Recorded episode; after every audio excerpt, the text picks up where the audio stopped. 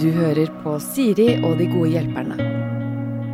Mine to gode hjelpere har eh, kommet. Eh, Det er Henrik Thodesen og Marte Brattberg. Og eh, grunnen til at dere er her sammen, er jo fordi dere er i Kompani Lauritzen sammen. Det er veldig rart for meg å stå og late som jeg er sånn eh, reporter. Ja, kom igjen, Siri. Det kan det bare være fangirl nå. Å, Ja. Kan vi ikke bare være helt ærlige på at eh, vi tre har vært i militæret sammen? ok, greit. Og nå er dere her hos meg som mine gode hjelpere. Ja. Um, Vi er, Er det- lite Vi er blitt reality-deltakere. Det er det vi er. Det er det vi har blitt. Ja. Eh, jeg så nettopp nå når eh, Jon Almås vant 71 grader nord, at han sa at han elsket reality og hadde lyst til å være med på mye mer. Å, Hvordan ja. er det for deg, Marte? Er, du på samme tankegang? Eh, ja, jeg har veldig lyst til å være med på Skal vi danse og 71 Har du det? grader nord. Ring meg! Ring Har du meg! lyst til å være med på Skal vi danse? Sjukt lyst. Har du lyst til å være med på Skal vi danse? Eh, det er et veldig vanskelig spørsmål. Har du aldri blitt spurt om å være med på Skal vi danse, Marte? Eh, er sånt hemmelig, egentlig? Jeg, jeg, Hva da, om du har blitt spurt om å jeg, være har, med? jeg blir ringt hvert år, og så Ja. sier de sånn 'er du interessert i det?' Og så får jeg sånn eh, kjempehjertebank og sånn 'ja, ja, gøye danser', og blir- jeg blir trent, og det er gøye alle kjoler og sånn. Gleder meg. Og så havner jeg alltid på en sånn liste og som jeg aldri kommer med. Å ja. Kommer aldri ordentlig med. Ja, er jeg backup? Backup Brattberg. Mm. Men nå er jeg sånn, nå har jeg jo ikke noe jobb uansett, så kanskje, så kanskje til høsten at jeg skal være med på Skal vi danse? Kommer til å se en del folk på reality-TV framover som ikke har sett der før. Som Ja. er sånn 'nå orker ikke jeg å ikke gjøre noe lenger'. Men hovedproblemet jeg har med uh, Skal vi danse, er det, er det er bare et bitte lite scenario, og det er dette. Ja, Henrik, hvordan syns du det gikk med cha-cha-chaen i dag? Jeg klarer ikke å bli flau, bare sier det. og så må du selv. stå sånn med fire sånn. fingre opp i, i været. Sånn, Stem på fire. Jeg vet ikke om jeg, jeg, vet ikke om jeg hadde takla det. Å å være Jo, men du havner jo i bobla. Du vet jo hvordan vi var i militæret. Vi sto jo der og rett rett ja. og Vi trodde det var krig. På er jo helt Ja, ja, hjernevaska, og man blir jo det der òg. Men grunnen til at jeg har aller mest lyst til å være med, er ikke på når at jeg har sett på programmet selv, Nei. men mer at alle de andre som har vært med, som man kjenner, sier sånn Mm. Det er så gøy. Og man- det blir sånn Nå drar jeg frem leirskole. ja. og, alle, og alle må ligge med den danseren sin, ikke sant? Det Ja. virker det som. Det er veldig mange som gjør nesten. De fleste gjør det. Jeg sliter med å tenne på feminine menn, ja, så for meg hadde det vært uh, kanskje Ja. den vanskeligste oppgaven. Jeg kan ta din. Men dere, eh, hvordan syns dere det har vært å se Kompani Lauritzen på TV? Eh, Jeg syns det har vært eh, veldig gøy, Eh, men eh, det er jo veldig mange ting som jeg savner, da. Ja. Eh, For eksempel så synes jeg, var jeg veldig stolt av hinderløypepresentasjonen min, Ja. Eh, men i hinderløypa på TV så, så ser du meg ikke. Nei. Nei. Tror ikke man Nei. ser meg en eneste gang. Det er jo masse som ikke blir med, men jeg syns jo det er det beste sånn programmet jeg har vært med på å se på I etterkant, ja. Ja, det syns jeg absolutt. Fordi eh, du syns Fordi du det var så er rå Ja, for det er et bra Det er, TV-program, det er bra liksom. TV-program. Det er er gøyalt. klippa bra, det er eh, fl- fl- flinke folk. Det er ikke de som vanligvis klipper reality-TV som har gjort det. Du merker at det er Det er mer dokumentarisk, Nei, rett og er, slett? nei ja, de er eh, si, det er flinke. Ja. Det er de som har produsert det. ja. Ja. Der fikk vi inn den. Hva Ja. syns du, Siri? Eh, nei, jeg eh, tenker alt det dere tenker, men det er jo, man savner jo de, der, de andre 22 timene det døgnet som de ikke rekker å vise, på en måte. For jeg, jeg, tror jeg tror, ja, det er nå én ting at ikke alt ble filma, men jeg tror ikke folk vet at at det var ekte militære på ekte, 24 timer i døgnet. Det var ikke sånn ok, that's a wrap, og da tok alle på seg eh, sivile klær og stakk og bodde på hotell og fikk mobilen, liksom. Vi var jo, vi var jo virkelig i militæret 24 timer i døgnet. Ja, Vi var ute og marsjerte og lekte gjemsel eh, i skogen der uten at kameraet var der engang. Ja. Som jeg sleit litt med hvorfor vi egentlig skulle, men eh, Det var noen ganger det var vanskelig å motivere seg til å, være i militæret når ingen filma. ja. Bare, Men er det ikke, TV-laget? Skal jeg virkelig TV vaske dass nå, selv om ingen filmer? Ok, greit. Jeg får gjøre det. Ja, ok. Vi, eh, vi er fortsatt litt i bobla, som dere kanskje hører. Er vi Litt, fortsatt det? ja, Marte og jeg er fortsatt i bobla. Ja, du er jeg ikke så føler det. hardt ramma som oss, eh, Henrik. Men vi, jente, vi jentegruppa eh, du vet, Jentegruppa. vet du Henrik at vi har lagd en egen, Nei, kødder du, en eller? egen gruppe på Facebook som heter Fenriks Angels? Nei Men flaut kan jeg å bare, si. kan jeg bare eh, si det at eh, jeg har jo vært med på sånne type programmer før, Uh, og så la, uh, etter at man er ferdig, så sier man, sier man sånn Ja, vi må finne på, vi må være sammen og sånn. Og så lager man en gruppe på en sånn uh, Messenger-gruppe, og så liksom sier man hei to ganger der.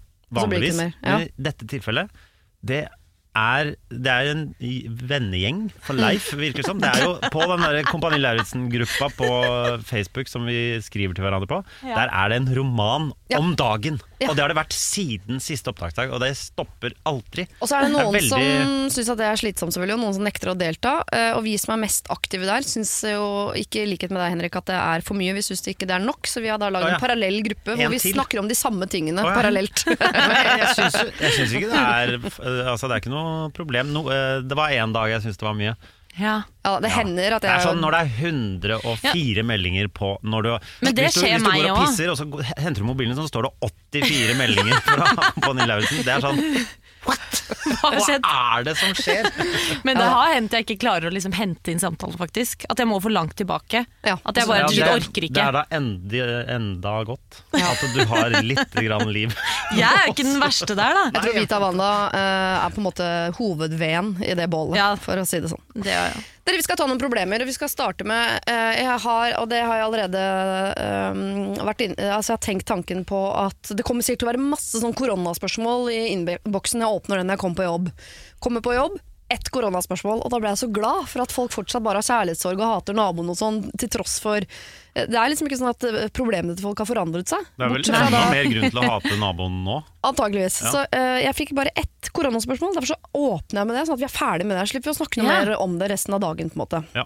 For der, her, her står det altså. Hei dere. Jeg er en dame på 38 år som har hatt et forhold til en mann i seks år. Vi bor ikke sammen, uh, mest pga. logistikk. Det er dine og mine barn og avstand til skoler osv. Men vi er stort sett sammen 24 timer i døgnet de ukene ingen av oss har barn. Og noe ellers også, sa han, men da blir det mest i helga. Nå blir vi jo anbefalt om å ikke ha mer enn én til to lekekamerater, står anførselstegn. Og da gjerne de samme gjennom hele denne perioden. Dette sier de om barna, men det gjelder oss, vel oss voksne også. Både jeg og kjæresten eh, har hjemmekontor i denne perioden, og den første helgen der vi var litt usikre på hvordan dette kom til å bli, så dro han på hyttetur med tre kompiser. Så nå mener han at det er kun disse tre han kan se fram til det hele er over. Og han nekter altså å komme på besøk til meg. Så han mener altså at vi ikke kan se hverandre før potensielt om uker eller måneder. Men det går jo ikke heller! Og da spør hun oss også hva syns dere skal, skal jeg eh, kreve at han bryter disse karantenereglene, eller må jeg bare la det være sånn? Prøver han å koronadumpe henne? Det høres ut som en koronadump, det der. Ja, er det klass klassisk koronautføyd? Jo, Det men er jo han- det dummeste jeg har hørt. Selvfølgelig må du bryte karantenereglene for dama di. Må jo det. Ja, er det andre regler med en gang det er kjærlighet inne i bildet, liksom? Jeg tenker, altså, han følger jo reglene til punkt og prikke. Nå har han lekt med tre stykker som allerede Han er utafor For det øvre grense. han har vært på hyttetur. Ja. Det er ikke lov engang. Nei, men det, var, det er Man har meldt flytting, så innenfor samme kommune. Men han har jo brukt opp kvota si for lekekamerater. Oh, altså, det er jo ikke Jo, du skal jo, jo, man skal følge dette Ja, til ja, en viss det. grad, tenker nå jeg da. ja. Det er jo, det er jo ikke holdt på å si kona, men ikke, men det er jo kjæresten din. Men jeg er enig i at det høres ut som han koronadumper. Ja. Koronafading slash dump. Ja. Så dere hadde ikke godtatt dette fra deres eventuelle kjærester? Aldri i livet! Jeg blitt dritsur. Men de er jo en risiko for hverandre, for han har noen unger, hun har noen unger, og hans unger har lekt med noen unger, og hennes har lekt med noen unger, og så har de hvert år. Så de er jo potensielle eh, smittebomber, begge to. Men de må jo gå under paraplyen, eh, familieparaplyen. Selv om det ikke er eh, ett hus og gift. Må de ikke det? Jo, jeg tenker også det at uh, det, er jo, det finnes ikke en sykdom uh, som noen i min familie kunne fått som hadde gjort at jeg ikke hadde holdt meg unna det. Altså, jeg eh, kysser jo datteren min på munnen etter hun har spydd, liksom, fordi sånn bare er det. Man er glad i hverandre. Ja, jeg har liksom. ikke barn, det kan ikke er helt vanlig. Ja, jeg vet ikke hvor vanlig det er, men jeg, jeg gjør det. Uh, Så dere, dette er helt uaktuelt for dere. Hva kan hun si til han da? Skjerp deg. Ja. Eh, Ja, men- ja, men- Jeg tror jeg hadde spurt eh, Er du ikke keen på å se meg, eller hva er greia? Fordi dette høres rart ut. Jeg tror jeg hadde åpnet der. jeg. De Det bor høres jo jo ikke veldig rart ut. sammen en gang. De slipper jo den der å være oppå hverandre hele tiden også. Ja, Men kan ikke han da bare kontre med å si sånn? Det er dette helsemyndighetene sier at vi skal? Ja, Jeg men kan ikke treffe treffe Må han deg. være sammen med de tre andre hele tida? Nei. Har han et forhold med en av de tre Er det fordi han, han har vært sammen med de en gang, så kan han ikke Han føler vel at han har maksa grensa si da, på hvor mange han kan treffe av fremmede mennesker, eller altså av andre mennesker i denne perioden. Nei, jeg hadde blitt sur. Ja. Ja. Marte hadde blitt sur, Henrik hadde ikke godtatt det. Men dere tror altså han driver med en korona-utfade eller dumping? Ja, det, jeg syns det høres litt sånn ut. Mm. Ellers er han veldig, veldig eh, Er han veldig redd? Han er jo veldig regelrytter, kanskje, da, slash nevrotisk slash redd eh, av noe slag. Men jeg tenker jo det Det er jo, kan man jo også kanskje forstå, da. Men jeg tenker jo Eh, da må man snakke om det, og så må man si sånn 'men jeg vil at du skal komme hit'. Ja. ja, for hvis han er redd, la oss si at moren hans har uh, lungebetennelse og er øh, 84 år. Ja, Men han får ikke lov å besøke henne uansett. Nei, det, Det er sant. Ja, det er mye rart i det der. Det er noen regler her som ikke uh, går overens på mange måter. Det er nesten helt umulig å følge en regel uten å bryte en annen. Men uh, jeg tror også som kjæreste at jeg hadde uh, satt ned foten her. Og følt meg dumpa. Ja, Ja, hvor- hvis ikke du er og sammen Hvor lenge siden er dette? Hva da? Veit du hvor lenge siden den hytteturen var?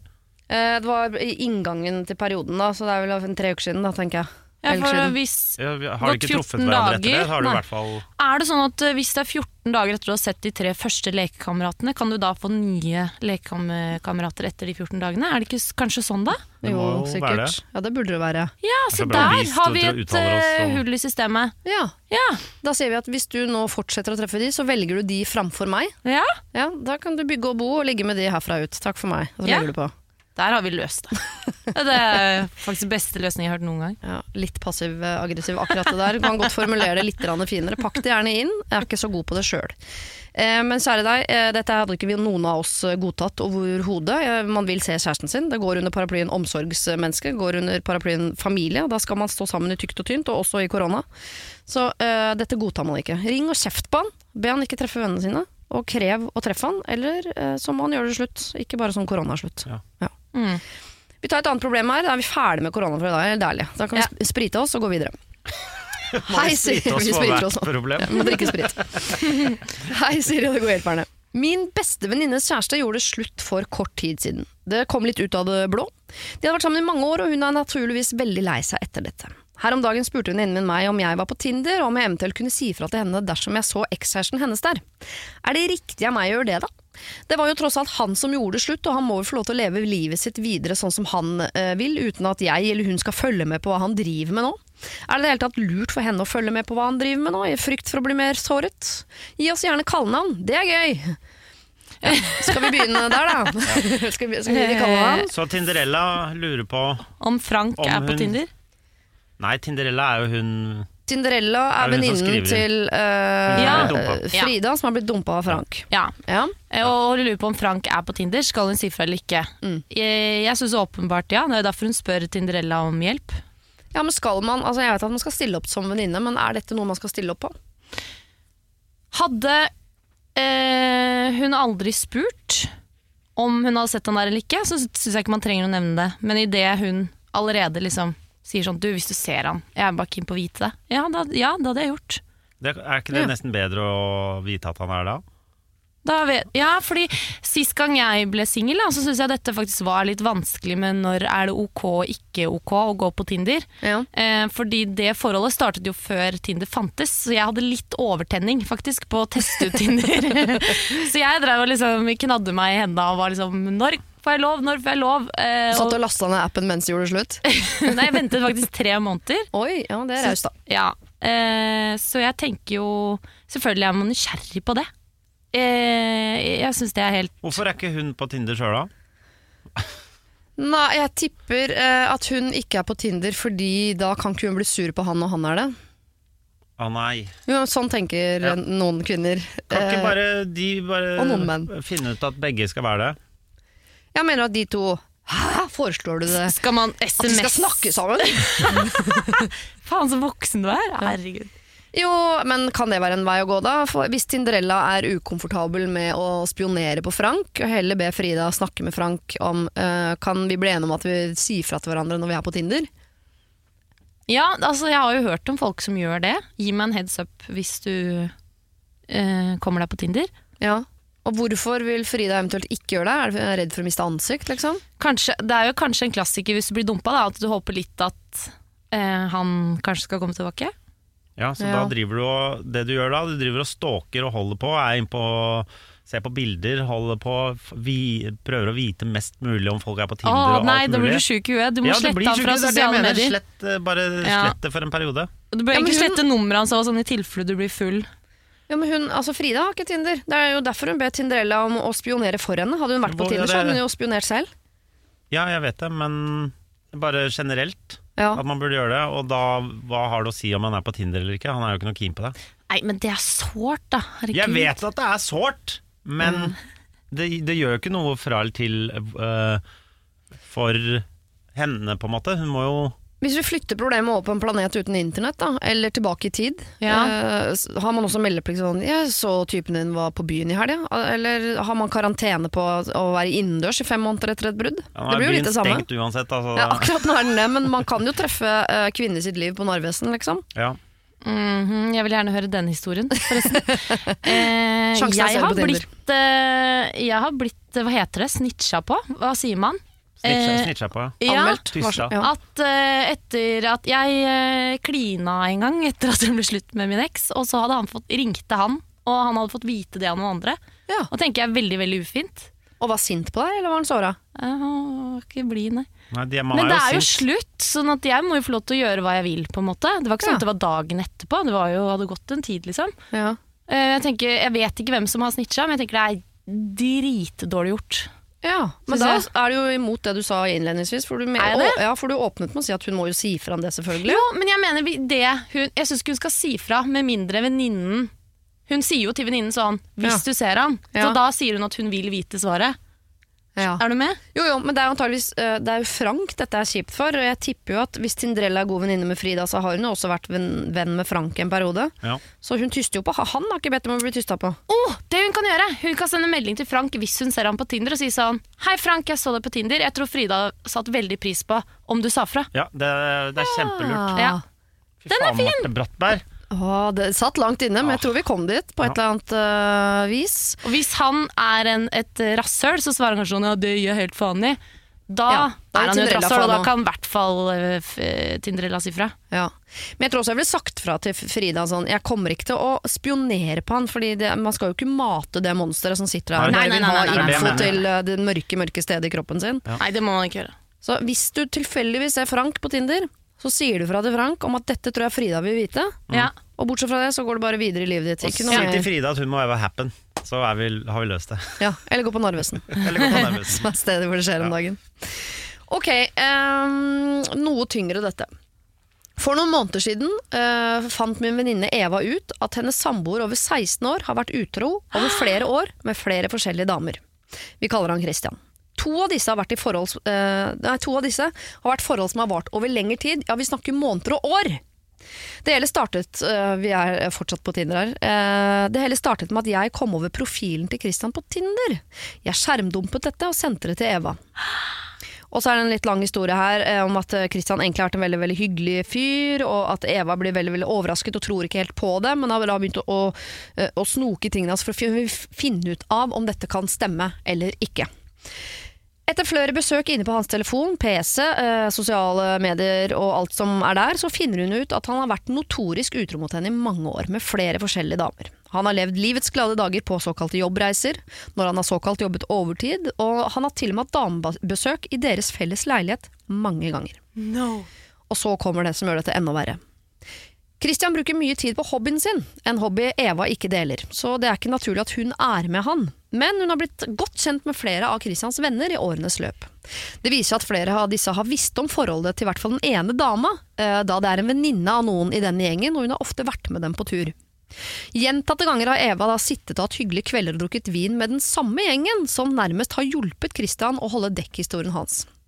Etter en beintøff periode for Eva, så har de nå flyttet fra hverandre, og hun er naturligvis både dypt såret og skuffet over å ha blitt ført bak lyset på denne måten. Mest av Christian, men også av alle disse andre menneskene. Så, dilemma. Hun klarer ikke å slå seg til ro med at han skal komme så lettvint unna, så hun har lyst til å ta kontakt med samboere og ektefeller til disse damene som Kristian har vært utro med opp igjennom. Og hun lurer på om det er dumt å gjøre det. Er det noe hun bør gjøre? Eh, spør hun. Det er jo ikke hennes ansvar å opplyse de andre partene, men av ren hevngjerrighet så vil hun gjerne fucke opp litt for Kristian og de involverte damene som har sviktet sine. Og det forstår jeg godt. Hun har også lyst til å konfrontere vennene som hjalp Christian med å holde dette skjult, men hva er best fremgangsmåte her? Mail, face to face, telefon, og hvordan formulerer man noe sånt? Eh, Eva har spurt alle venninnene sine til råds, og de fleste syns hun skal la det ligge, men jeg, altså innsender, støtter henne fullt og helt i dette. Om ikke eh, for annet, så for å gi Christian et lite siste stikk. Eh, men så vil hun da ha noen flere eventuelt på sitt lag før hun gir dette rådet videre. Hva mener dere? Skal hun si noe? Hvordan skal hun si det? Eh, eh, skal hun si noe til vennene hans? Og så videre. Hilsen trofast fan og lytter, Mette Misantrop. Skal Mette råde Eva til å ta kontakt med mennene til disse elskerinnene? Og skal hun skjelle ut vennegjengen? Her var det mye. Jeg ville, vi, uh, la oss begynne med vennegjengen. Ok, Ja. Er det lettest? Eller? Ja, for den, den er, har liksom uh, minst ringvirkninger uh, seinere. Ja, skjønner. Uh, men jeg regner med at uh, hun er vel ikke venn med de i dag?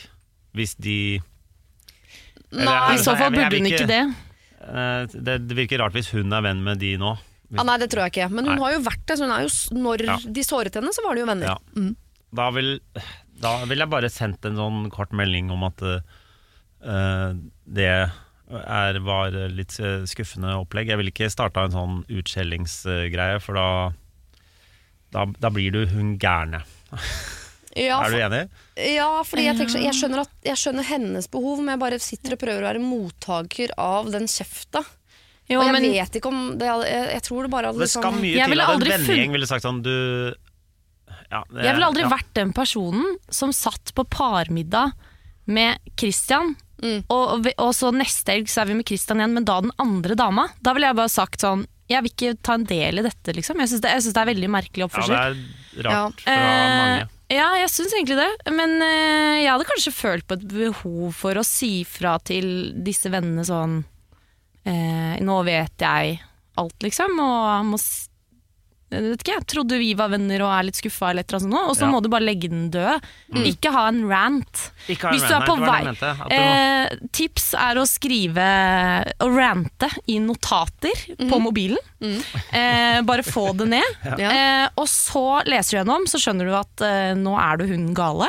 Mm. Og så bare skriver du liksom kort det viktigste ut fra det, og så bare få det unna. Ja, for alle, bare si at alle har hun gale, hun bor i alle. Så alle har henne. Ja, da. Ja, det- hun dukker opp av Hun og bor til. i alle. Ja, og det er bare om å gjøre. Og hun skal få lov til å lufte seg innimellom, men du må bare få henne inn på rommet sitt og lukke døra uh, ganske kjapt. Hun skal ikke få så lange lufteturer, hun.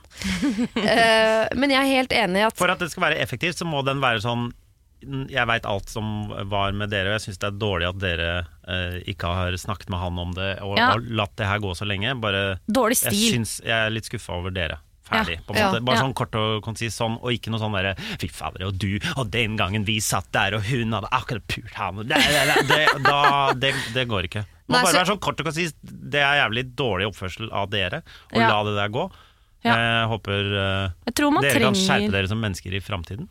Ja, Så face to face er borte. Vi snakker vel en Ja, felles det hadde jeg ikke giddet. Nei, Nei, det, det virker eh, Det er rart. Ja. Ja, ok. så... Det er jo tross alt hans venner. Ja, men vet du hva, jeg bare jeg, jeg, jeg skal prøve å ikke fortelle en lang historie, men jeg, jeg hadde en venninne en gang som hadde kjæreste, og så hadde hun klina med en annen fyr på fest. Og så satt vi en venninnegjeng, og det er litt sånn typisk, dette vet jeg at guttegjenger og jentegjenger gjør. Fordi det var en sånn gøy historie, liksom, så alle var sånn Hæ, så gøy at du bare gjorde det. For da fikk jeg plutselig sånn smak på gamle dager, da det var så crazy å gå på byen, og alle klina, og herregud, så traff jeg han, og Så vi fikk litt sånn um, liten smakebit av gamle dager, så alle syntes det var så innmari gøy. Og så ble jeg så lei meg, og sa sånn, jeg syns ikke det er så kult at du kliner med en annen fyr. Jeg. Når du har kjæreste, måtte jeg være hun dølle venninna oppi den gjengen. Uh, og det, ikke for å klappe meg sjøl så hardt på skulderen, men jeg mener at det er for få som tør å si fra om det. Sånn som den kompisgjengen som har sittet Ja. sammen med hun her dama, de har jo liksom tenkt sånn er ikke dette litt uh, moro? Er det hemmelig og farlig og Ja. elskerinne? Og, og så har de syntes at det er litt sånn gøy. Og da mener jeg at de trenger en litt sånn kalddusj. Og da, Ja. da må Mette Nei, eh, altså Eva kalddusje de og si sånn Nei, det er ikke gøy. Ikke gøy at mannen jeg elsker går bak ryggen min med en er annen dame, og dere sitter og ler og koser dere med det. Jeg er Det er jo begynt akkurat sånn der. Ja. At det er litt gøy, og så bare baller det på seg, så blir det normalen. Og det Ja. er bare sånn, faen det er Ja, du vet Christian, det er jo Ja, to-tre damer, det. Er sånn, Christian ja, han bare også er er ikke sånn. sann, han fyren her. Ikke sant? Men jeg er tenker at sånn. det ikke var drit Det er sikkert ikke Jo, sånn er kjempegøy for Christian. Mm. samtlige i lengden. Det kan det ikke ha. Nei, det har nok gått over til å bli ubehagelig på et eller annet tidspunkt. Og så har det vært liksom gruppe sånn Å ja, nei, Pål Ja. sier ikke noe, ikke Frank heller. Og så vil ikke man jeg, ikke være eh, han som sier det, ikke sant. Nei. Jeg skjønner jo greia, men det er sikkert greit at noen sier fra at det der er bare Ja, det egentlig er bare ikke så så kjipt at det er Mette som må si det, fordi hun er jo også den som har blitt backstabba. Det beste hadde jo vært om en annen i den gjengen sendt, Kan hun sende melding til én kanskje den beste vennen av de eh, i den gjengen. Eller det beste hadde vært om noen i gjengen også har en kone, som man kunne kanskje prøvd å ha et litt sånn venninnerelasjon til, som man Ja. kunne ha snakket med. Og så kunne hun Burde hun egentlig tatt ansvar og sende ut til de andre sånn Vet du, fuck, der var vi dårlige mennesker. Ja. Nå var vi en Det er gjeng egentlig med det dårlige beste mennesker. scenario. Ja. Ok, da tror jeg vi har løst vennegjengen, men så til det som jo egentlig er eh, vanskeligere, som er da eh, disse damene han har hatt opp igjennom. Altså i årevis han har hatt dette er, det er ikke snakk om han har tatt uh, Stena Line over og, og uh, ligge med en dame på lugaren og dratt hjem igjen og husker ikke om hun heter verken det ene eller det andre. Han har hatt lange forhold. Ja, han, de har ligget sammen i deres seng. Altså, Ja, det er ekkelt, syns jeg. Og nå har hun lyst til å ta hevn. Det skjønner jeg. Ja, jeg skjønner jo det. Ja, Ja. men det er også noe med Jeg støtter litt hevnen i det for så vidt. Samtidig så er det sånn Hva om eh, Rita, da, som også var utro mot han fyren her. Ja, ok, hun hadde et år med han, men nå er hun veldig tilbake med mannen sin. Ting går veldig bra. Det er to barn i bildet. Det er hus, det er hytte. Hun har klart å leve videre med det og har det fint. Har Ja, det er litt har hun å- rett til å gå inn der og rippe opp kanskje la oss si det er fem år siden, da, noe gammelt, og så ødelegger hun et ekteskap og en familie? på en måte? Ja, nei, for jeg skjønner jo, eh, Det man bare tenker er sånn Jeg har det vondt. Grunnen til at jeg har det vondt, er at mannen min var drittsekk, og du var drittsekk, så nå skal du få lov til å ha det vondt. Ja. Og så glemmer man å tenke sånn Men da har jo plutselig også mannen din vondt. Han har ikke gjort noe gærent. Barna dine får det vondt. De har ikke ja, gjort noe gærent. gærent. Ringvirkningene av den hevnen De er så store, da. Ja, for hun kjenner vel ikke de Nei, og dessuten historiene der. Og hennes liv blir jo ikke noe bedre. Christian har fortsatt gjort det han har gjort. De er jo fortsatt ikke sammen. Jeg bare lurer på om det er noe annen Eh, Jeg klarer ikke helt å legge bort hevn, for jeg applauderer litt, for det er så digg. Ja, ja. Men er det noe, noe hevn man kan ta som er litt mer sånn eh, man- Som ikke er teppebombing, liksom? Kan man bare uh, reach out til henne privat, ikke innblande mann og barn, og si sånn Jeg vet hva du og Christian har gjort. Mm. Det har ødelagt mitt liv. Jeg håper Ja. du uh, er lykkelig med mannen din og tar vare på han og ikke ødelegger hans liv fremover. Eller noe sånt. da. what you did last summer. Ja, men serr. At du gir henne litt sånn skyldfølelse, og at hun da kanskje kjenner litt på sånn Ok, nå må jeg ta ekstra vare på mannen min, eller sånn Ok, nå burde jeg fortelle det. At man gir hun et lite push på å enten være ærlig å gå, eller ærlig å bli, eller bare bli. Være grei resten av livet. Ja. Så det vi ender opp med her eh, Du måtte bare tisse litt? Jeg heller oppi kaffe, det må jo være lov. Eh, eh, det vi ender opp med her er egentlig samme hevn overfor de kompisgjengen og overfor disse damene han har vært utro med. Det er at de skal føle på hvor vondt Eva har det, eh, som et resultat av det disse menneskene har gjort. sant? Mere, ja, men mer bare sånn De fortjener å få en liten melding om at dette er ikke grei oppførsel. Ikke nødvendigvis blotte ut hvor vondt hun har det, men Jo, men jeg syns vi godt kan sitte og kjenne litt på er Sånn, jeg er et menneske som nå, takket være deg, har det helt forferdelig. Du har ødelagt et liv. ja. Og jeg kunne ha ødelagt ditt. Eh, Jeg vet hvem mannen din er, jeg vet hvor dere bor. på en måte Ikke noen trussel, men allikevel. Eh, Men jeg, jeg velger å ikke gjøre det, men du skal være klar over at du har ødelagt mitt. Ja, den, den versjonen der Ikke, liker ikke si 'ødelagt livet mitt'. Nei. Nei, men jeg liker den der. At Ja. jeg, for jeg syns ikke du har rett til å Selv om noen har vært jævlig mot deg, skal du nødvendigvis gå inn og ødelegge en familie. på en måte Så det vi på en måte råder henne til å bli, er å liksom gjøre andres liv bedre, sånn at de blir flinkere mennesker i framtiden. Ja, Er det det vi sitter og sier? det er det vi sier. Det er veldig pynteputeaktig, og jeg skal ikke gjøre det noe bedre, for jeg skal toppe det hele nå med nok en pyntepute borti sofaen her. Og det er også at den beste hevnen er jo at du går videre og har det bra. Måte. Den svir ikke for dem, men det er jo det som kommer til å gjøre at du har det best. Poenget er at hun kommer til å angre hvis hun går eh, shit crazy Ja. og skjeller ut alle og ødelegger masse familier, så kommer hun til å ha det mye verre med seg selv Ja. etter hvert. Det er lov Sånn å si fra til den vennegjengen, syns jeg. Ja, Sånn type hevn er raske karbohydrater. Det virker veldig smart, det er utrolig digg der og da, og så kommer ringvirkningene, og den buksa den får du ikke på, for å si det eh, For å snakke av erfaring. Vi skal ta et problem eh, til eh, fra en søskenflokk på tre. Dette er voksne folk, altså. Innsender er 46 år gammel. Hei.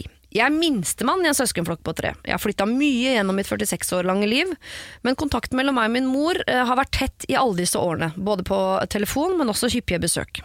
De siste ni årene har vi bodd i samme nabolag og vært naboer siste sju av de igjen, da et av nabohusene hennes ble lagt ut for salg til en pris jeg kunne leve med. Jeg har også vært alenepappa de siste 17 årene til en sønn som har veldig god kontakt med sin farmor. Mine søsken bor fire mil unna og én mil unna, eh, og de har også grei kontakt med mamma. Men så til problemet.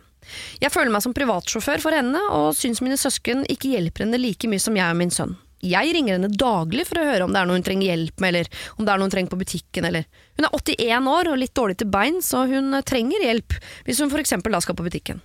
Er det frekt av meg å be mine søsken komme fram til en form for turnus som vi alle tre kan leve med? Øh, Dette var litt fram i tid for dere ungfoler. Ja ikke- Har ikke du en søskenflokk på tre? Vi er tre. Jeg er yngst. Eh, dog er mamma og pappa ikke 80. Nei. Eh, men eh, Bor dine søsken nærmere foreldra dine enn det du gjør? Ja, søsteren min bor veldig nærme. Ikke sant? Så den, når foreldrene dine blir 81, så faller den børen antageligvis på henne.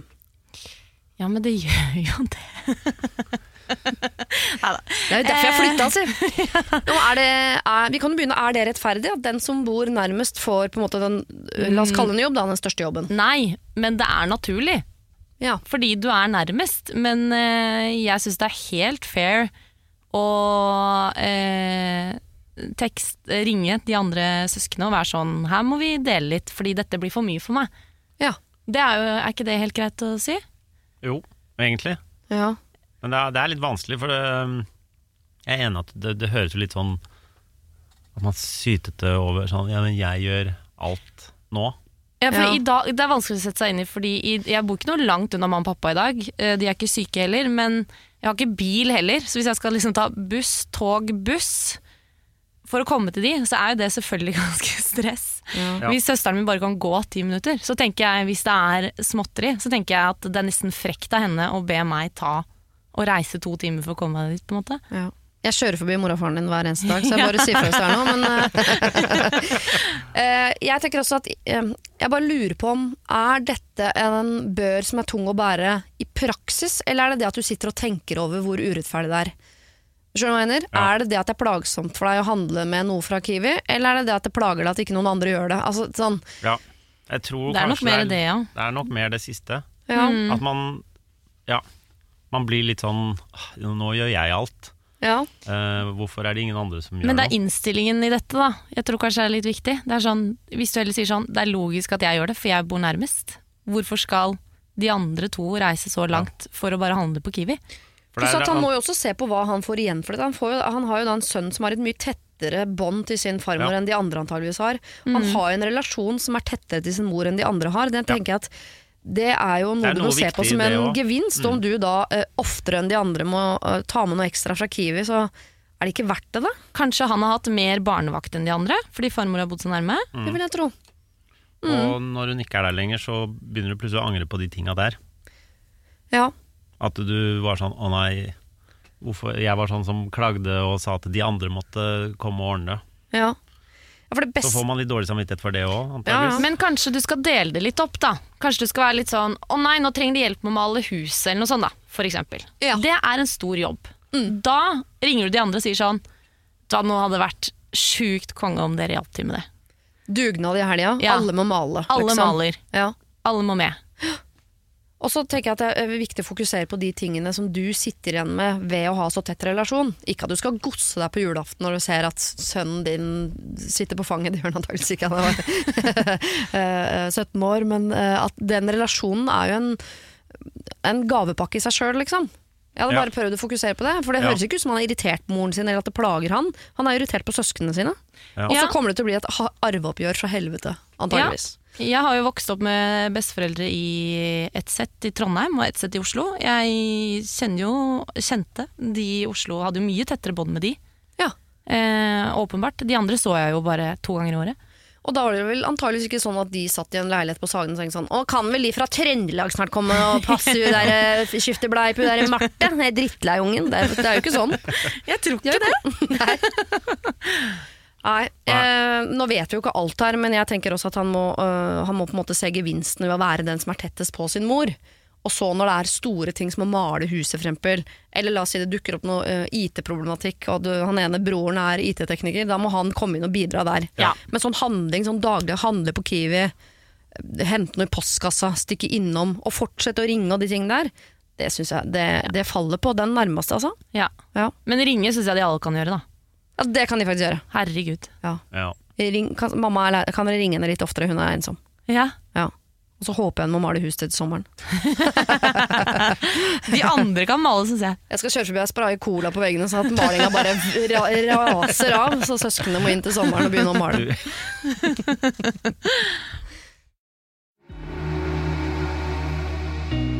Har du problemer selv, send dem inn til siri at radionorge.no. Henrik Thodesen, Marte Brattberg, eh, begge fra Kompani Lauritzen, som er å se på TV2 på lørdager i denne perioden. Eh, der ser dere jo sterke ut begge to. Eh, og vanligvis så pleier jeg å spørre litt sånn eh, hvordan folk er som kjæreste eller nabo eller venn eller eh, datter eller mor eller hva det måtte være. Men jeg tenkte å høre hvordan dere er som sånn treningspartner. Oh. Eh, Jeg kan begynne med deg. Marte, er du en sånn som Må du uh, piskes, eller liker du å piske andre? Eller uh, klarer du å piske deg sjøl, eller åssen er det? Klarer ikke å piske meg selv, liker å bli pisket. Jeg klipper dette og bruker det i andre sammenhenger hvis det er greit for deg. Ja, jeg òg. Send det klippet til meg. Uh, jeg, jeg hater å trene alene, det gjør jeg veldig sjeldent. Eh, Ja. Så jeg er en treningspartnertype. Ja, altså, du Ja, så er en, jeg lager avtaler for å komme meg på trening. Så sier jeg sånn Ok, når skal du trene? Du skal trene tirsdag klokken ett. Ja, ok, men da henger jeg meg på deg, er det greit? ja. Sånn gjør jeg. Og når dere da møtes i en park og ligger og skvatter eller holder på med hva det nå måtte være, er du en sånn som sier sånn 'Kom igjen, du klarer to til!' Kom. Ja, ja, det kan jeg gjøre. Okay. Ja, jeg blir ivrig. eh, Da blir jeg litt ivrig, ja. Og hvis venninnene da når du ringer sier sånn 'Ja, skulle ikke vi løpe i morgen klokka to?' Og hun sier sånn 'Åh, fysen bare se på Grace Anatomy, ass'. Så Sier sier jeg sånn, digg. Ja, du gjør det. Ja, Ja, ja. Nei, kom igjen, da. Nå, Jeg vil aldri trene. Nei, ok. Jeg vil aldri trene, men syns det er digg når det er gjort. Ok. Ja, men hvis man skal møtes for en joggetur, og så sier eh, Jeg skal møte Henrik for en joggetur, og så sier han sånn Det skjer Skal vi ikke. gå istedenfor? Ja, Idet vi liksom har møttes, selv om jeg har treningsklærne på da, så tenker jeg sånn Ja, det skal vi. ja, Ja. det syns jeg det er, det er digg at du sier. Kan vi heller gå? Åssen er du på det, Henrik? Jeg er sånn egentrenings, men jeg har slutta helt for to år siden å dra på treningsstudio. Fordi Ja. jeg drar bare og klatrer. Ja. Um, så forrige uke så var jeg fire ganger i eh, marka og buldra. Og da gjør du det aleine? Hva Ja, hvis du ramler og knekker ryggen av? Nei, jeg har gjort det sammen med en annen. Ja. Ja. Og da står har, du da tar, har vi sånne matter på, på ryggen. Så går vi inn i Østmarka. Så går vi fra stein til stein. Klatrer opp, holder på. River av hud. Detter. Og blør en del. Og så Ja. Ja, for buldring, for folk som ikke er klar over det, det er jo fjellklatring uten tau. ja på liksom øh, øh, Det kommer av boulder, da, som er en kampestein. Altså oh, ja. du klatrer opp en, øh, en liten stein, par, par meter kanskje. Mm. Men til det viktigste her, liker du å bli piska, eller bli, være den som pisker? Nei, men, ja, fordi sånn til vanligvis hvis jeg drar på klatresenter og sånn, så gjør jeg ofte det aleine for å buldre, og da er jeg sånn som øh, Klatring er veldig sånn sosial greie, at man står sammen og prøver å finne ut av hvordan man gjør det, og snakker med hverandre og prøver Ja. å løse Det er liksom problemløsning også, Ja. som man øh, da eh, ofte snakker med folk. eh, det kan jeg dra og gjøre aleine, ja. Ja, men når du er sammen med noen, er du den som pisker, eller liker du å bli pisket? Jeg trenger til en film jeg spiller. Svar. like, Liker- på spørsmål. Liker nesten bedre å piske, ja.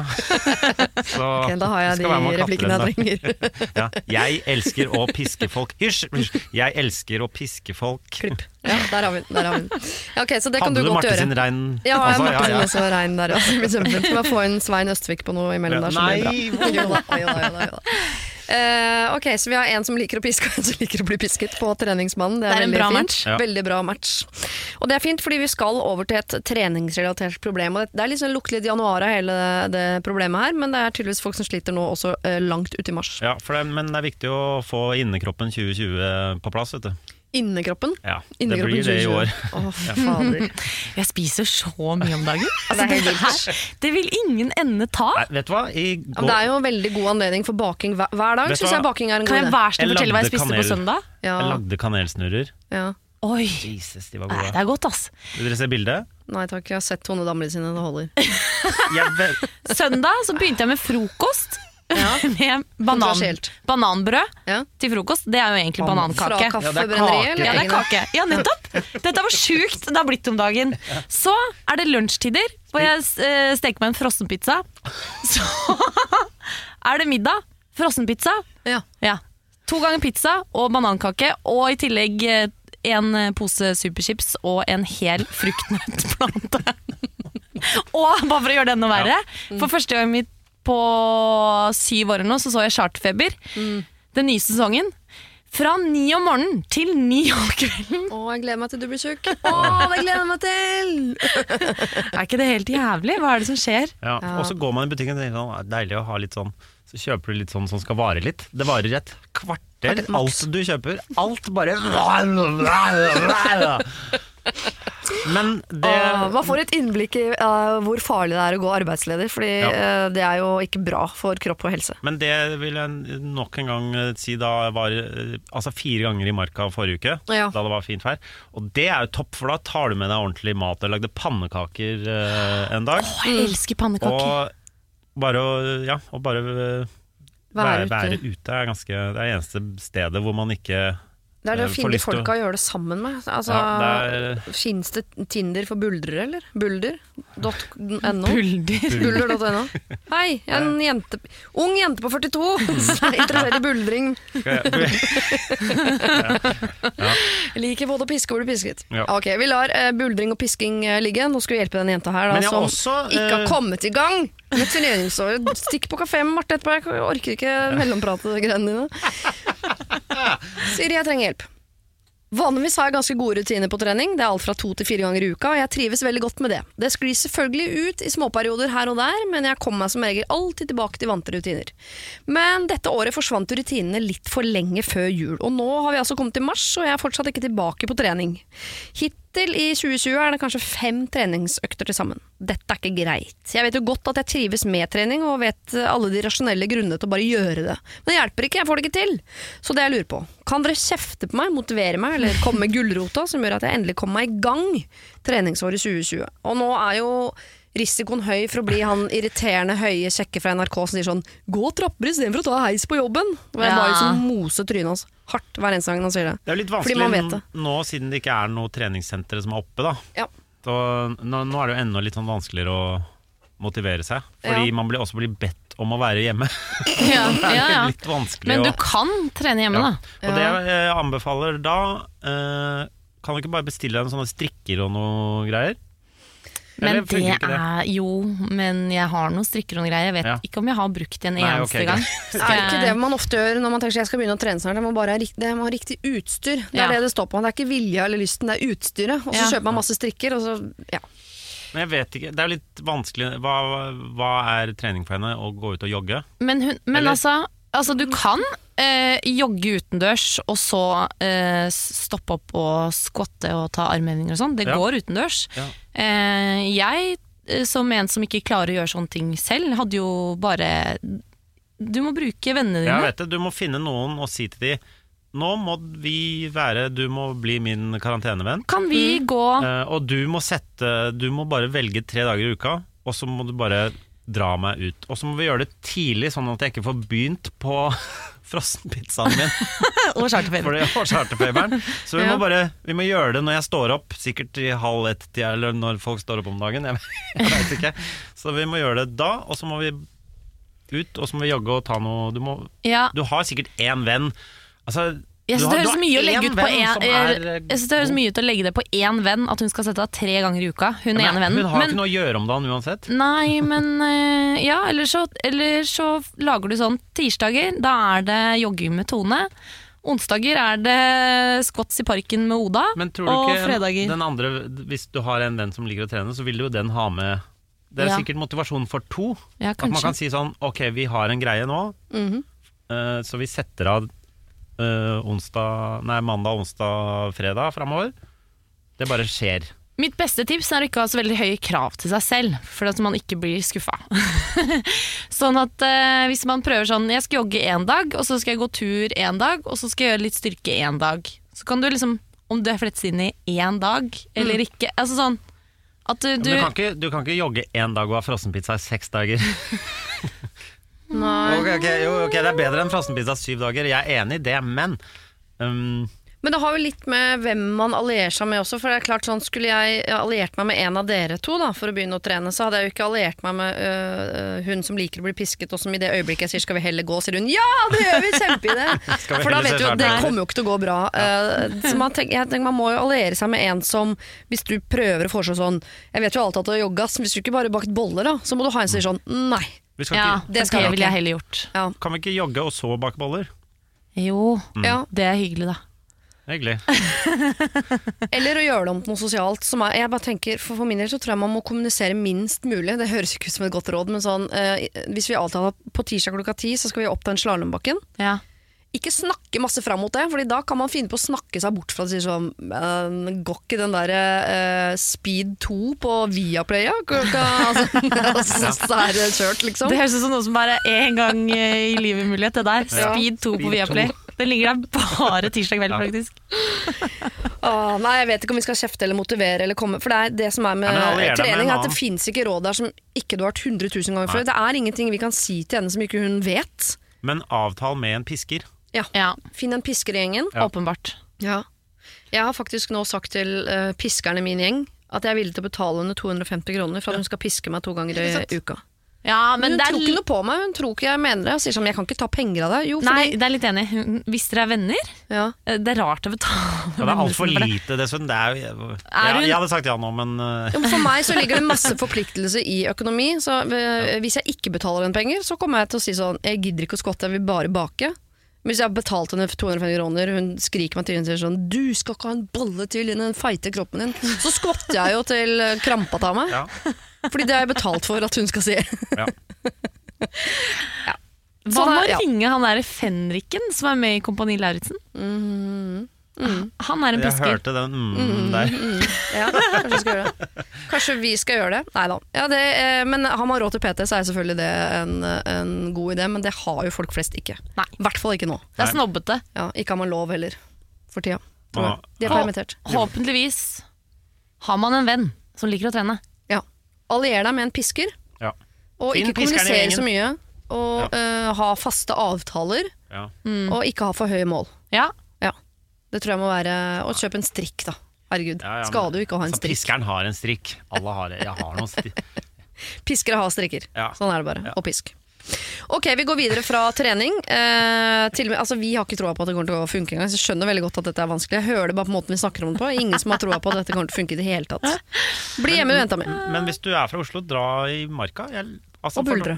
Trenger ikke å buldre, men bare gå i marka. Det er jo topp. Og det er, eh, det er det eneste fristedet man har. Det er 10 000 man- andre der i, i disse dager, da. Nei, det er, ikke- det er, Det er ikke det. ikke Jeg altså. var der fire ganger forrige uke. Ok, Langs Akerselva i hvert fall er det det. Det er ikke marka! Herregud. Du må dra liksom inn i Ikke hat meg, jeg er ikke fra Oslo. Nå Nei. stemmer det. Det glemmer vi faktisk. Men du har Nordmarka, Østmarka. Det er masse skau innover. Og ikke gå rundt Sognsvann, men Nei. gå fra Bøler liksom og innover, for eksempel. For eksempel. Så vil jeg benytte anledningen også når jeg først har eh, Norge her på tråden, eh, til å, å, Hei, hei. til å si noe fra meg da, som jeg har et ønske om. Eh, jeg vil veldig gjerne begynne med orientering. Så hvis det er en orienteringscrew der ute som har plass til en 42 år gammel Ung uh, stuttjukk, uh, sur dame som ikke kan lese kart, ring meg! Det henger sånne orienteringsgreier overalt i marka. Ja, men da må jeg gjøre det sjøl. Jeg vil ha en gruppe som pisker meg. Ja. Men driver man og løper på orientering? Ja, det håper jeg. Ah, ja, Ja. ok. Jeg vil løpe. Ikke Jeg jeg vil med på, jeg kan godt være med på orientering. Skal vi Det er ikke, det er ikke påskerenn heller. Jeg var litt usikker. Og så vil jeg at det skal være noen spørsmål på hver post. Sånn, Ja! Hvor mange hjørner er det i en firkant? Løp videre til neste post. Jeg vil ha sånne ting. Hvor mange hjørner er det i en firkant? Men vi kan Henrik har ingenting å gjøre om dagen. Vi kan betale Henrik til å sette opp en orienteringsløpe. Ja. Ja. Da lager vi en gruppe på Messenger for det. Dere vil ha så- påskerenn, ikke sant? Det er det dere vil ha. Og boller! Og pernett etterpå. Ja, jeg, har, jeg har fryseren full av kanelboller. Jeg, nå. Ok, da vet vi hva vi skal Ja. etterpå. Dere, vi skal ta et Jonas nytt problem. Bergland syns de var skikkelig skikkelig Hvorfor har du ikke med de hit? Jeg tenkte det litt rart. på det, men jeg måtte, ja, måtte tine de og Jeg tenkte på det, og så tenkte jeg Du Dere syns ikke det var pes å bake boller. dem, men å tine dem, det syns du Hvem er det som ikke har lyst på boller? er det rareste jeg har hørt. De fins. Irriterende folk. Eh, vi skal gå eh, til et problem som Jeg må bare si det først at eh, innsender her er bare 14 år, og det er eh, i yngste målgruppe eh, for både programmet og kanalen. Men her tenker jeg at vi hjelper en på 14, men her hjelper vi også foreldregenerasjonen til disse 14-åringene som har nettopp dette problemet som jeg skal lese nå. Jeg er 14 år og lever i en vanlig familie. Jeg bruker fritiden min på svømming og trener ca. 12 timer i uka, og bruker all energi på det. Moren min har nettopp uh, hatt uh, kreft. Det er ikke noe alvorlig, altså, men hun har operert og går på, i terapi. Uh, og etter det så er det som om et eller annet er ødelagt. Hun er sykemeldt, og det kan til tider være irriterende.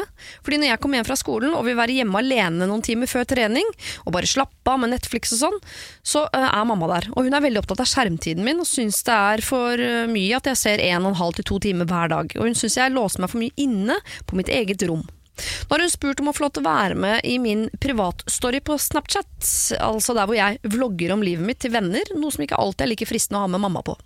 Jeg har prøvd å si til hun at jeg ikke liker at hun er med i privatstoryen min, og hun reagerer med å si at hun blir dypt såret og skuffet over meg. Problemet er hvordan kan jeg be mamma trekke seg unna mitt liv og få henne til å forstå at jeg kan ordne problemene mine selv uten å såre mamma? Håper dere vil svare, hadde satt stor pris på det, kall meg Ingrid. Altså Her eh, har vi da en 14-åring i hus. Det er vanskelig både for 14-åringen og antageligvis for moren og faren. Eh, hun vil ha mer privatliv. Moren har ikke helt klart å slippe tak i at det er hun som skal sørge for at dette her kommer til å gå bra. Ja. Ja. Klarer dere å, å huske Hva er lettest å relatere seg til? 14-åringen eller foreldren?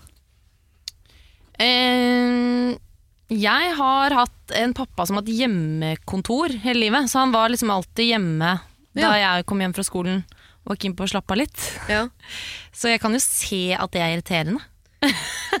det er jo litt irriterende. Så når du dro hjem og spiste nudler uten å i det hele tatt gidde å koke dem og se på Ellen Elegerson, så Ja. klikka han og sa uh, Nei, han har nok aldri klikka meg. Da skulle han prate om dagen og sånn, være litt sånn oppå meg, for han har vært aleine hele dagen. ikke sant? Ja.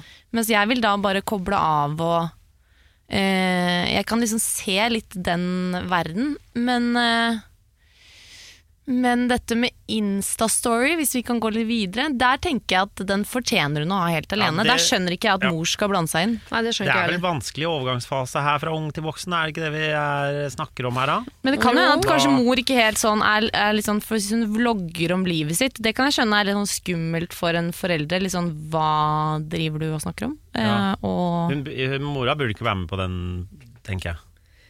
Nei, fordi eh, garantert så kommer det til å dukke opp ting der som ikke du Ja. liker. Men det er ikke, du skal ikke like alt barna dine driver med eh, når de er i tenårene. Fordi det, det dukker jo opp ting der som, eh, som man som forelder ikke har noe med. ja. Men hvordan kan man si det til mor nå uten at hun skal bli lei seg? Hmm. Hvordan, hvordan gå gjennom uh, 14-15-16-årsalderen uten at foreldre blir lei seg? Kjør debatt. Nei, altså eh, Det mest logiske Det første som kommer opp i huet mitt, er jo eh, mamma Kjære mamma. Eh, Instagrammen min og vloggingen min er privat for meg, og her syns jeg det er Jeg syns ikke det er nødvendig at du trenger å være med, og u ubehagelig, eller Ja. at eh, Det er mitt fristed, liksom? det er liksom? Mitt fristed, det Det handler om om det meg. jeg har sammen med vennene mine. Ja, Og det Ja. er ikke sånn Og hvis hun har Hvis hun har låst profil og sånn hva er vanlig, 200 følgere på en måte, så tenker jeg at det ikke trenger å være så skummelt for mor. Egentlig. Nei. Og så tenker jeg, Nå høres det ut som mor er i en sånn sårbar fase, Ja. eh, både fordi hun går gjennom det hun går gjennom, og det at datteren er i ferd med å bli voksen, og man har ikke liksom 100 innsyn i alt barna driver med lenger. Nå har jeg fortsatt så små barn at jeg har liksom 100% innsyn i det de driver med. Ja. Og det er klart at å slippe den kontrollen, det er en overgang. Men det er det vel for alle. Og så kommer det litt i en uheldig annen situasjon i tillegg her. Ja, Som Men gjør det litt vanskelig, men det er vel en overgangsfase, det. Absolutt. Men det Og så syns sånn- jeg det er fint når du sier Henrik sånn øh, øh, Kjør debatt på å ikke skulle såre foreldrene sine gjennom puberteten. Så tenker jeg sånn, det er egentlig liksom, litt sånn spot on for meg, for det får man ikke til. Så jeg tenker at hvordan skal jeg si dette til mamma uten at hun blir lei seg? Det er ikke noen måte å si det på uten at hun blir lei seg, men det skal hun bli. Forslag. Eh, for, at, for det kan jo hende her at det er to forskjellige generasjoner som møtes, at mor kanskje ikke helt skjønner vlogging og Instagram stories og bla, bla, bla. Hvis Ja. hun kan sammenligne dette med dagbok, Ja. litt sånn mamma, det her er på en måte en slags eh, versjon av dagbok som jeg har med mine venner. Ja. Og der, hvis du tar det tilbake til din tid, så vil du kanskje ikke at dine foreldre skulle lese din dagbok. Nei. Dette er litt privat for meg. At man prøver å liksom legge det på hennes sammenlignende Ja, samtidig som jeg mistenker at dette er en mor som antageligvis øh, tenker at hun, hvis hun vil lese dagboka til dattera si, så skal hun ha, få lov til det. Nei! Det får ingen lov til noen gang. Nei. Nei. Hadde du lest dagboka til dattera di? Nei. Ikke med mindre jeg trodde hun drev med lyssky virksomhet. Da kan hende jeg hadde bladd. Datteren min driver med lyssky virksomhet.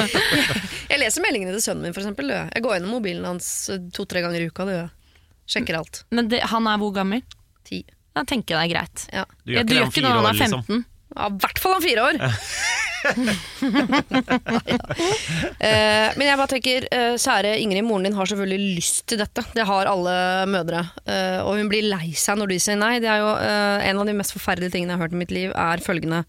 I det øyeblikket du får barn, så bruker du hvert sekund av ditt liv på å komme så nærme barnet som mulig. Barnet bruker hvert sekund av sitt liv på å distansere seg fra sine foreldre. Det er en evig kamp, ikke sant? og den er litt intens i tenårene. Så å ikke såre mamma, det får du ikke til. Altså, det folk, det, altså, du må bare si Instastoryen min, det er min dagbok. Der har ikke du noe Der vil jeg ikke at du skal være. Og så kan du være grei med mamma på noen andre ting. Så kan du si sånn, Men skal vi spille yatzy? Altså, hvis du har Ja. veldig lyst til å please mamma, Ja. da. Eller så kan du gi faen. Det er lov i noen spise spis med henne når du kommer hjem fra skolen, Ja. og så låse deg inn på rommet ditt og vlogge aleine. ja. Hun skal være veldig fornøyd med at du er såpass fornuftig at du i hvert fall svømmer tolv timer i uka. Jeg synes det er mer enn man kan forvente av eh, noen, nesten. Hm. Ja. Ikke vær så opptatt av om mamma blir lei seg eller ikke. Hun kommer til å være lei seg i mange år nå. Fordi du er i ferd med å bli voksen. Og da er hennes funksjon som mor borte. Å finne en ny funksjon i livet sitt. Det er vanskelig, og det er ikke din jobb Inger, å gjøre noe med. Men prøv å være litt grei med henne nå, da. Ja da. Ja. Ja, du kan Ja. godt være grei. Men det er lov å liksom være tydelig på at dette har vi sammen, og dette har jeg alene. Ja. My area, your area. Our area. Og ta litt Spaghetti vare på henne nå, for hun har det ikke så greit. Nå ble du Hei, Christian Borch, hvor kom du fra? Hva? Veldig irriterende at du skulle være så korrekt på slutten. Der sitter vi og ser helt nek ut, ut fra hva vi har sagt. Nei, eh, å ja, Var det sånn det jeg det? Så? Nå fall jeg meg veldig uh, ufølsom når du kom med så fine ord på slutten. Ikke begynn å grine, da. Nei, ikke. Jeg går videre til Sivert, ja. Her står det. Hei, kall meg gjerne Sivert, og da gjør vi det. En mann 29 år, gift med en vakker kone, og sammen har vi to nydelige barn. Godt etablert, grei økonomi, hektisk hverdagsliv. Vi har vært sammen i ti år. Initiativet til var det, å ja. Ti år og 29 år, ja. ja, det er mye, ja. Ja, det syns jeg er sp spenstig. Absolutt. Eh, vi har vært sammen i ti år, ja. Initiativet til sex og intimitet er det alltid jeg som har måttet ta, men nå holder det ikke lenger. Det har nå gått fem måneder siden forrige gang vi hadde sex, og det virker ikke som om kona i det hele tatt er interessert. Hun fødte i starten av januar. I starten av januar, ja. Ja, det er tre Ja. måneder siden, så de har ikke ligget sammen nå tre måneder etter fødsel, og ikke de to siste før føding. Som jeg jo syns er formildende omstendigheter, for å være helt ærlig. Jeg tok henne på fersken med vibrator flere ganger under graviditeten, og det er selvfølgelig lov, men jeg følte det slik at hun liksom ikke trengte noe fra meg, siden hun fikser biffen sjæl.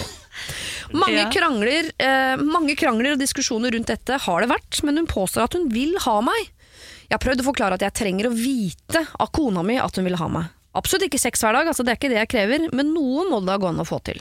Det føles som om all gnist er borte, at kona ikke hverken har sexlyst generelt eller lyst på sex med meg, og dette resulterer i at jeg like så godt kan sove på sofaen fra tid til annen, fikse biffen sjæl og virker helt liksom uinteressert eh, i kona i all eh, denne tiden. Jeg eh, gleder meg ikke til å komme hjem lenger, rett og slett. Hjelp! Nei. Er det verdt det? Og eventuelt bare holde sammen for barna sin del?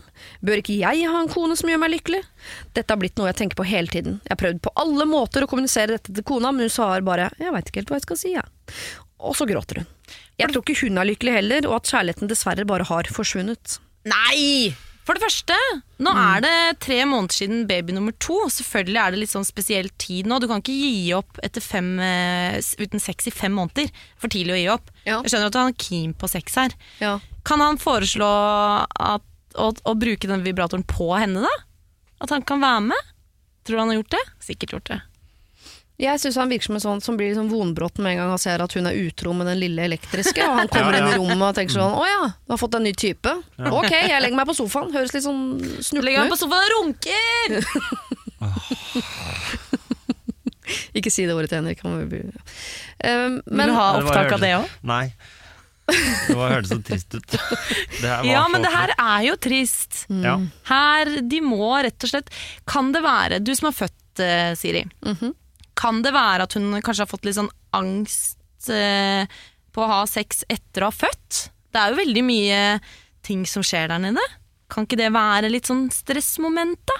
Og litt sånn Det kan godt hende. Det er veldig mye som uh, skjer. Og, uh, noen får sikkert angst, og noen får direkte vondt. Og noen får altså, det, til, det er vel en eller annen sånn tilstand hvor tissen nærmest lukker seg. Den vil ikke åpne seg. Uh, altså, det er mange ting som kan skje. Men jeg tror det mye skjer i hodet. Jeg, jeg kan ikke huske sånn altså På slutten av graviditeten så var jeg ganske amorøs av meg. Da var jeg koset og ville ha omsorg og var litt sånn og følte meg og innover, jeg følte meg ganske hot liksom, når jeg var høygravid, fordi jeg var så utrolig stram, uvant for meg. Gikk i trange klær og var liksom Jeg, jeg bare følte meg ganske digg, for å være helt ærlig. Og så kommer ungen, og så er man liksom trøtt, og man Jeg, kan, jeg vet ikke om jeg dusja de første tre månedene, bare man føler seg sånn Jeg gjorde det, da. ja, jo, jo, jo. Jo, men man og det, jeg, jeg kan ikke snakke for eh, alle kvinner, men jeg tror idet man føler seg usexy, så har man ikke lyst til å ha sex med andre mennesker. Fordi man Nei. tenker ikke Jeg tenker liksom ja, Men nå er jo jeg så udigg at jeg mister jo lysten på at noen skal ha sex med meg. Ja. Ja.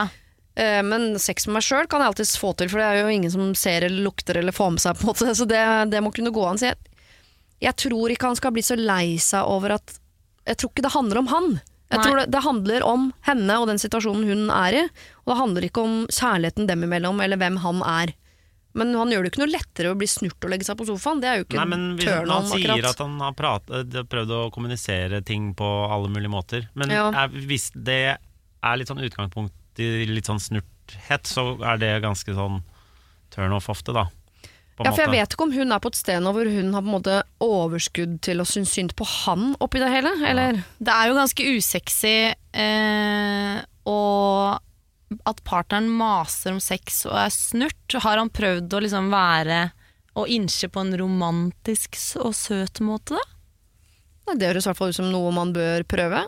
Eller ta Ja. en sånn Nå hun ser jeg er at du sånn er sliten, har du lyst ikke. på fotmassasje? Og så Ja. man tar den fotmassasjen og tenker at det, er ikke, det kan hende det blir sofa og runking i kveld òg, men neste massasje Altså at han Ja. må jo varme den opp, Ja, liksom. nå legger jeg ungene, du dusjer, og så eh, tar- får du en massasje etterpå, ikke sant? Mm. Og så skjer det sikkert ting. Men når hun Ja. sier sånn derre 'jeg veit ikke hva jeg skal si', ja.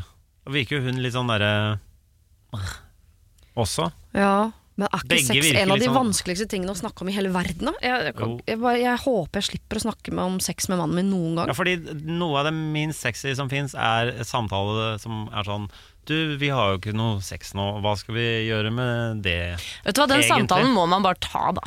Ja, men det virker jo som om han har prøvd å ta den. Ja, Ja. Men da sier hun bare 'nei, jeg veit ikke hva jeg skal si', jeg. Det beste er jo, før du tar den samtalen, er jo at du selv prøver å, å få det til på ikke en sånn bare tafse, gå direkte på en måte, men sånn eh, At du liksom legger inn støtet som om det var første date, på en måte. ja. Eh, at du er eh, romantisk og eh, Og litt sånn kurtiserende, for jeg tror noe av nøkkelen her vil nok være at hun føler seg attraktiv. mm, Fordi det er veldig vanskelig, og jeg tror det er vanskelig å være eh, kåt uten å føle seg attraktiv, for å være helt ærlig. Hun må jo tenke at fy fader, nå, nå syns han at jeg er hot. Da kan det hende våkner et eller annet. Men når man bare går rundt med en i puppen ute, og det er konstant gulp på skulderen, Ja, og melkeskvett i det. BH-en, Ja. og Ja. to, altså, truse fra i går, og får hår på tæra, liksom. Du har ikke dødslyst til å kle deg naken og, og bøye deg over kjøkkenbordet da. Han legger ungene, hun tar lang dusj og tar på seg noe fint. Han har ordna middag, og så prøver de å ha litt sånn stearinlys og sånn eh, date som om det var eh, romantisk ute, men inne. Ja. Jeg tror også det, altså. Ja. Og, og eh, rolig kurtisere seg tilbake til kjærligheten. Og når han spør sånn, er det verdt å holde sammen bare for barna sin del? Ja, for en periode er det faktisk det. Når du har en tre måneder gammel baby, så er det faktisk det. Ja, det er for tidlig å begynne å tenke sånn. Ja, ja. Dere har ikke tid til å være forelska i hverandre. Altså, det må Nei, ikke... det, nei. Ja, jeg tenker at Man må vente til det roer seg før man liksom tar en avgjørelse på at er kjærligheten borte. Den er ikke borte, men akkurat nå ligger den innerst bak i skapet, bak noen bleier og noen brystpumper og noe og spenefett og noe greier, liksom. Ja. Ja, jeg gleder meg sånn til å bli mamma. Det høres så fantastisk ut. Det er fantastisk. Jeg lover, du kommer til å kose deg i hjel med greiene der. Eh, men altså, det derre eh, ligginga og kjærligheten og sånn, eh, det er jo, ligger jo litt sånn på kjøl i en periode. Det må man bare være klar over. Og så er det om å gjøre å, klare å tine det opp og blåse liv i det etter hvert. Men ikke i mars, når du har føda i januar. Nei, det, Nei, det, syns jeg ikke. Og er det- venninner av meg som har, født barn, altså det er med, flere av de har jo sagt sånn derre Ja, det var ikke sånn at jeg var så veldig gira første gang, men jeg måtte liksom bare Ja, ja. Hoppe på toget igjen, da. ja. Nå er det mars, ja. Nå blir det jo fint vær, og det kan hende det skjer ting framover. Altså. Ja, noen Generelt, blomsterkjole og barbere beina og Ja. Jeg syns du, du skal gi det litt mer tid, og om det Ja. resulterer i at du må ligge på sofaen og runke litt grann i så tenker jeg at det er greit. Eh, det er jo det single gjør. Ja, det var det jeg skulle si! Tenk så mye du må runke og ligge på sofaen hvis du blir singel. Ja. Så eh, hold ut med det, og så prøv å finne tilbake til kjærligheten. Sakte, men sikkert. Jeg er helt sikker på at den er der. Den bare ligger litt grann, eh, i dvale for øyeblikket. La oss håpe det, i hvert fall. da. Ok, dere. Eh, altså For en ukes tid siden så var da eh, Geir Skau og Peter Bubresko her. Og da fikk vi da en eh, mail fra Lise, som var bekymret for sin venninne fordi hun aldri sto opp for seg selv. Og nå har jeg fått en ny mail eh, hvor det står jeg jeg fikk vondt i magen eh, fordi dere beskriver meg på en prikk. Jeg antar at det er nettopp min venninne som har sendt inn dette problemet, og at dette problemet handler om henne. Jeg gråt litt og tenkte at jeg vil jo ikke ha det på denne måten lenger, og jeg bestemte meg for å ta noen grep for å forhindre at dette skjer igjen. Jeg er en intelligent jente med gode verdier og mye å bidra med. Jeg vil ikke ende opp med å måtte ta et valg om eventuelt abort eller kjønnssykdommer eh, som jeg bærer med meg resten av livet. Over til problemet. Hvordan gjør jeg det? Det høres kanskje enkelt og banalt ut for mange, men det er ikke det for meg. Jeg er smertefull konfliktsky, desperat etter at alle skal like meg, og jeg er veldig opptatt av at alle skal ha det bra i møte med meg. Jeg vil ikke slutte av one night stands, men kan dere komme opp med noe jeg kan si um, ganske klart ifra om, eksempel da at jeg, nei, jeg vil ikke ligge med deg uten kondom, på en grei måte. Vær en grei måte å si ifra om upassende meldinger og bilder på chat uh, om. Jeg vet at mange uh, ghoster, men jeg vil ikke bli en del av den trenden. For veldig mange kan svaret på dette høres åpenbart ut, men likevel tror jeg det er mange som meg der ute som vil sette pris på en prat rundt dette. Det var eh, brutalt, men en fin vekker å høre at Lise snakket om meg på denne måten. Eh, jeg tror vi er mange nemlig som kniser oss unna tafsing, upassende meldinger og bilder på Snap, og som lar oss overtale til ubeskyttet sex fordi vi ikke vil skape dårlig stemning. Med vennlig hilsen Trine. Så Trine nå vil nå bli en jente som står opp for seg selv. Eh, og uh, ikke eh, Hun vil vel fortsatt Hun er jo konfliktsky. Hun vil ha, skape god stemning, men hun vil allikevel på en måte tørre å stå opp for seg selv i møte med disse guttene som som overtaler henne til ting og gjør ting som hun egentlig ikke syns er greit. Jeg ser på meg selv som ganske konfliktsky, for så vidt. Men når jeg får eh, slibrige SMS, for eksempel, da, så svarer jeg jo ikke he-he-he. Men jeg svarer ikke i det hele tatt. Ja, da ghoster du. Ja, Ja. Og det syns jeg er helt greit, for hvorfor vil jeg gå videre med en fyr som er slibrig? på en måte? Hva slags mann vil hun ha? Hun må kanskje stille seg selv spørsmålet Vil jeg, hvis jeg får sånne ekle meldinger, da, er, er det uansett en mann jeg vil møte? Er det noe potensial der? ja. Fordi det, For meg hadde jeg tenkt sånn Åpenbart ikke. Nei. Jeg tror det egentlig er et fint spørsmål generelt, for jeg, jeg bare husker jeg har tenkt noen ganger om, om eh, venner og også meg selv, at vi noen ganger kan være mer opptatt av at han skal være forelska i meg enn om jeg er forelska i han. Jeg tenker ikke sånn, Liker jeg han egentlig? Mye mer opptatt av liker han meg? Kanskje vi skal være litt mer opptatt andre veien av ikke- liker jeg deg? Ja, ja, og så er det liksom sånn er, er, han egentlig, er det viktig at han liker deg? Eller hvorfor skal du være hyggelig og være opptatt av å ikke ghoste han? Hvis han da sender en ny melding, hvorfor svarer du ikke da etter dickpic eller noe harry, slibrige greier? Så kan hun bare svare sånn Du vet hva, jeg var ikke så fan av den meldingen, liksom. Hvis han ikke gir seg, er det ikke bare å slette det nummeret, eller slette han fra Tinder, eller hvor, hvor det foregår? Ja. Hva skal han gjøre? Han kommer ikke til å dukke opp på døra og skjelne ut. Nei. I så fall er jo han klingeren. Men dette er en jente som er på jakt etter god stemning, Henrik, og vi møter med sånne jenter som bare er på jakt etter god stemning. Aldri liksom sier nei, eller eh, har noen sterke meninger. Jeg Det er viser- veldig, veldig kjedelig Ja, med folk som ikke har noe egne meninger eller noe å komme med. Altså Folk som jatter med, er jo Jeg kjenner meg veldig igjen i det å være litt sånn konfliktsky og ikke ville si fra ordentlig om ting, men, eh, men folk som bare jatter med, er jo noe av det kjedeligste som fins, da. ja. For Det er- veldig lite spennende Da, da er det ikke noe sånn Å ja, du er bare et speil på ting jeg sier nå. Det er helt totalt uh, uinteressant. ja. Det er sånn Og hun Da er jo singel, har vært singel en stund, får jeg inntrykk av, og Sjæl, har lyst på Men har lyst på kjæreste, men da kan det hende at nettopp de grepene hun tror hun gjør for å få seg kjæreste, nemlig ved å bare være grei, bare Ja. lage god stemning, aldri si imot, stå opp for seg selv, Ja. at hun spenner beina på seg sjøl, for nå sier jo du At eh, i andre enden her at det, det liker man, vil jo ikke ha det sånn. Nei. Jeg f eh, får litt lyst til å si eh, en klisjé her nå, men det er jo noe med at hvis For det høres jo ut som hun ikke helt er seg selv. Har hun egentlig i det hele tatt funnet seg selv? Altså du klarer jo ikke å noen, Det er vanskelig for andre å bli glad i deg, med mindre du er glad i deg selv. Ja, Er ikke det en greie? jo, Fordi, men hun har jo på en måte selvfølgelig noe bekreftelsesbehov som hun må, øh, må tilfredsstille, øh, og det gjør hun på litt sånn feil måte, da, ved at øh, ja, hun lar folk utnytte henne, Ja. på en måte. Og, øh, så, og da møter du jo bare folk som øh, Er slemme og vil utnytte, kanskje? Som liker det. Ja. Og da møter du litt sånn feil folk, da. Og så skjønner skjønner jeg ikke Og så syns jeg det er veldig rart å øh, er sånn, hvis, hvis du uh, Hvis du tenker at du skal ligge med noen og uh, egentlig tenker selv 'det vil ikke jeg gjøre uten kondom', og så tør du ikke å si Jeg skjønner ikke hva det Det er aldri Det er ikke sånn Hvis du sier da 'faen, det aksepterer jeg ikke', da er du Da er du helt forferdelig menneske, da. Ja, Og er det sånne helt forferdelige mennesker du har um, lyst til å ha i livet ditt? Jeg tror hun eh, dessverre tenker utelukkende på at han skal like meg, ikke på om jeg Ja. liker han. Og da når han sier 'jeg gidder ikke å bruke kondom', så tenker hun 'å ja, han vil ikke ligge med meg eh, med kondom'.